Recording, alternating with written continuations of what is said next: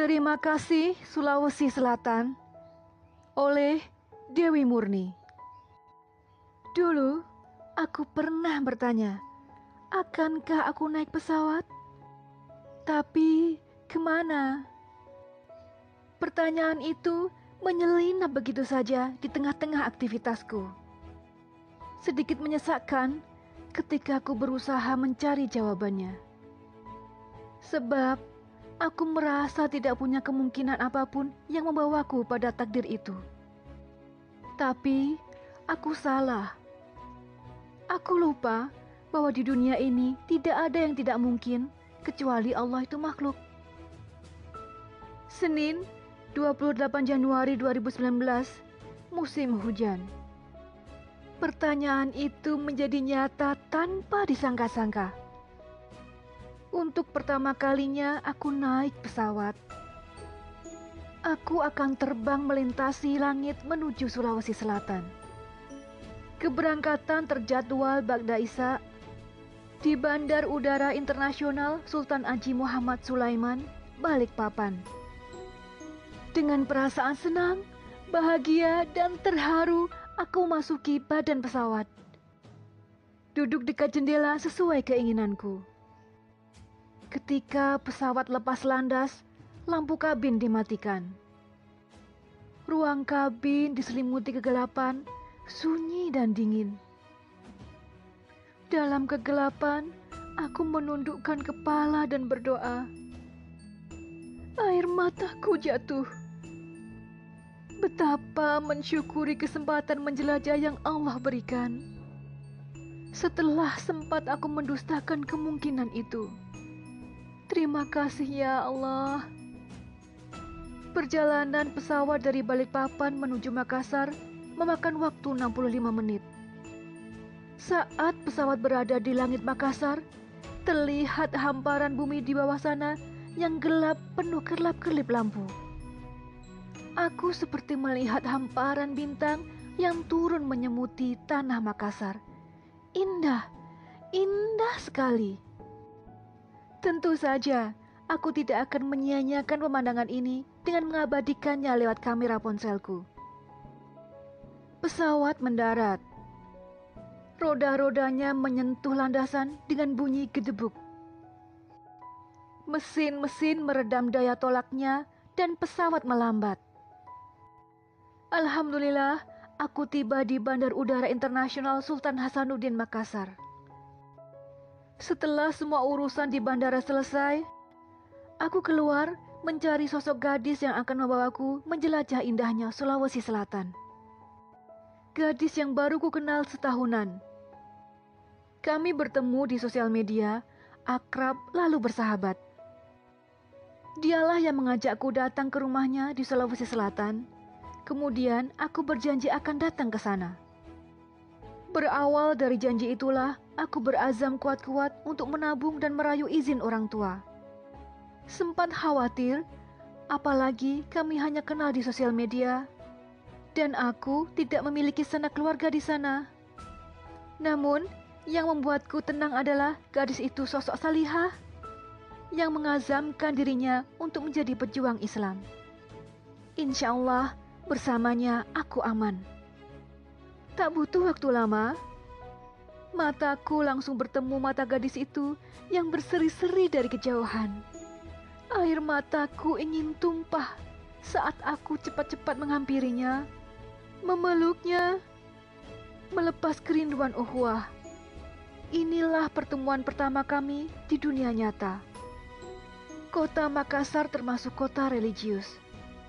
Hari pertama, aku mengunjungi beberapa masjid. Seperti Masjid 99 Kubah yang bangunannya berbentuk menyerupai segitiga. Seperti namanya, masjid itu memang memiliki 99 kubah yang diambil dari filosofi Asmaul Husna. Masjid itu berdiri megah di tepi pantai Losari.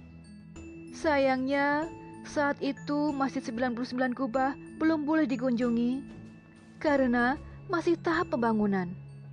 Akhirnya, sesi berfoto diambil dari kejauhan dari pantai Losari. Meski begitu, hasil fotonya tetap cantik. Karena warna masjid itu dominan cerah, yakni oranye, merah, dan kuning.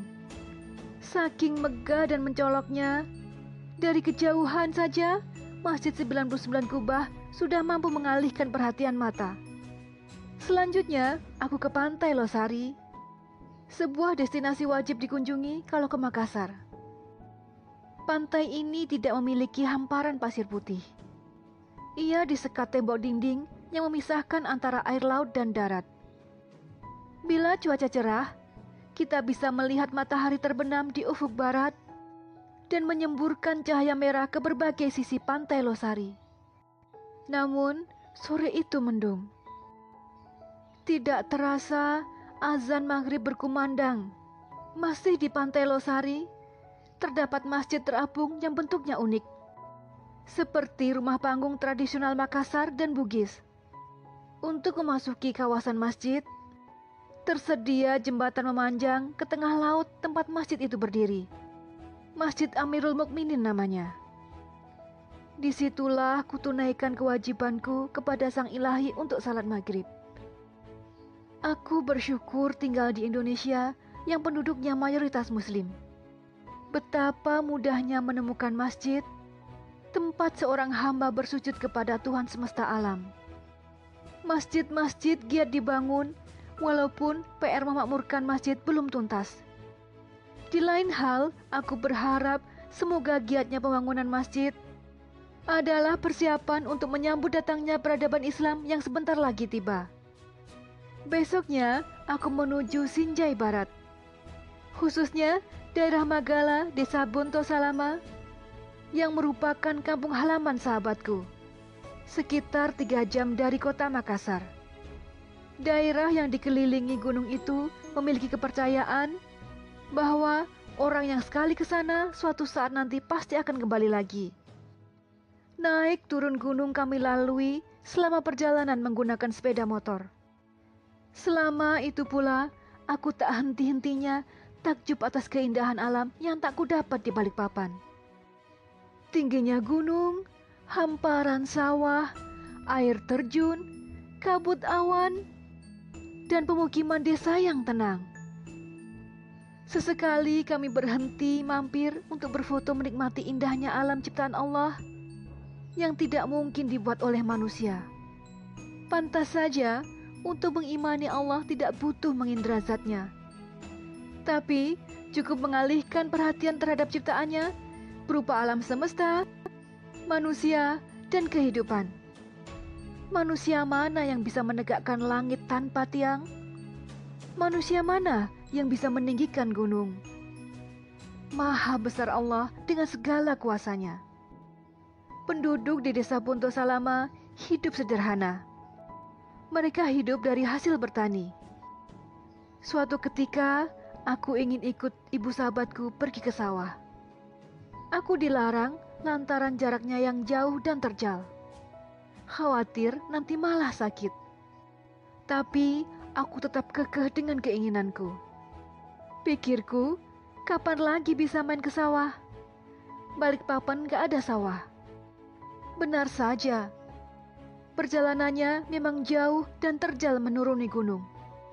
Kalau tidak ekstra hati-hati, bisa terkilir. Betapa bahagianya ketika sampai di sawah yang berdekatan dengan sungai. Mencabut bibit padi dan berenang-renang di sungai. Pengalaman yang tidak akan terlupa.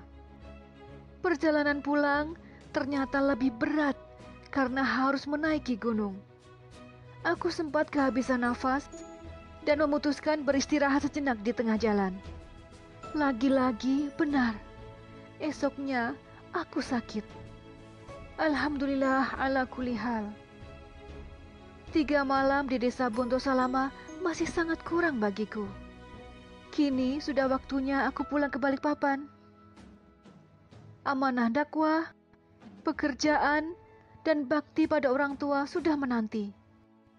Berat sekali rasanya. Masih banyak keindahan Sulawesi Selatan yang belum kujumpai.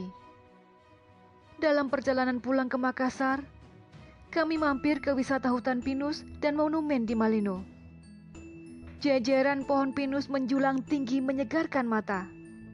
Di sana, kami menyewa kuda untuk berkeliling walau hanya sebentar.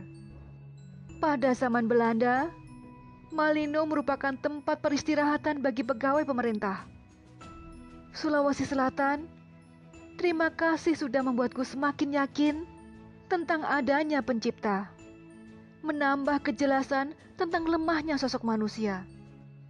Bila melihat keindahan alammu saja sudah membuatku terkagum-kagum, tanpa bisa berkata-kata kecuali memujinya. Lalu, bagaimanakah jika aku melihat surga? Apakah aku sudah layak memasukinya?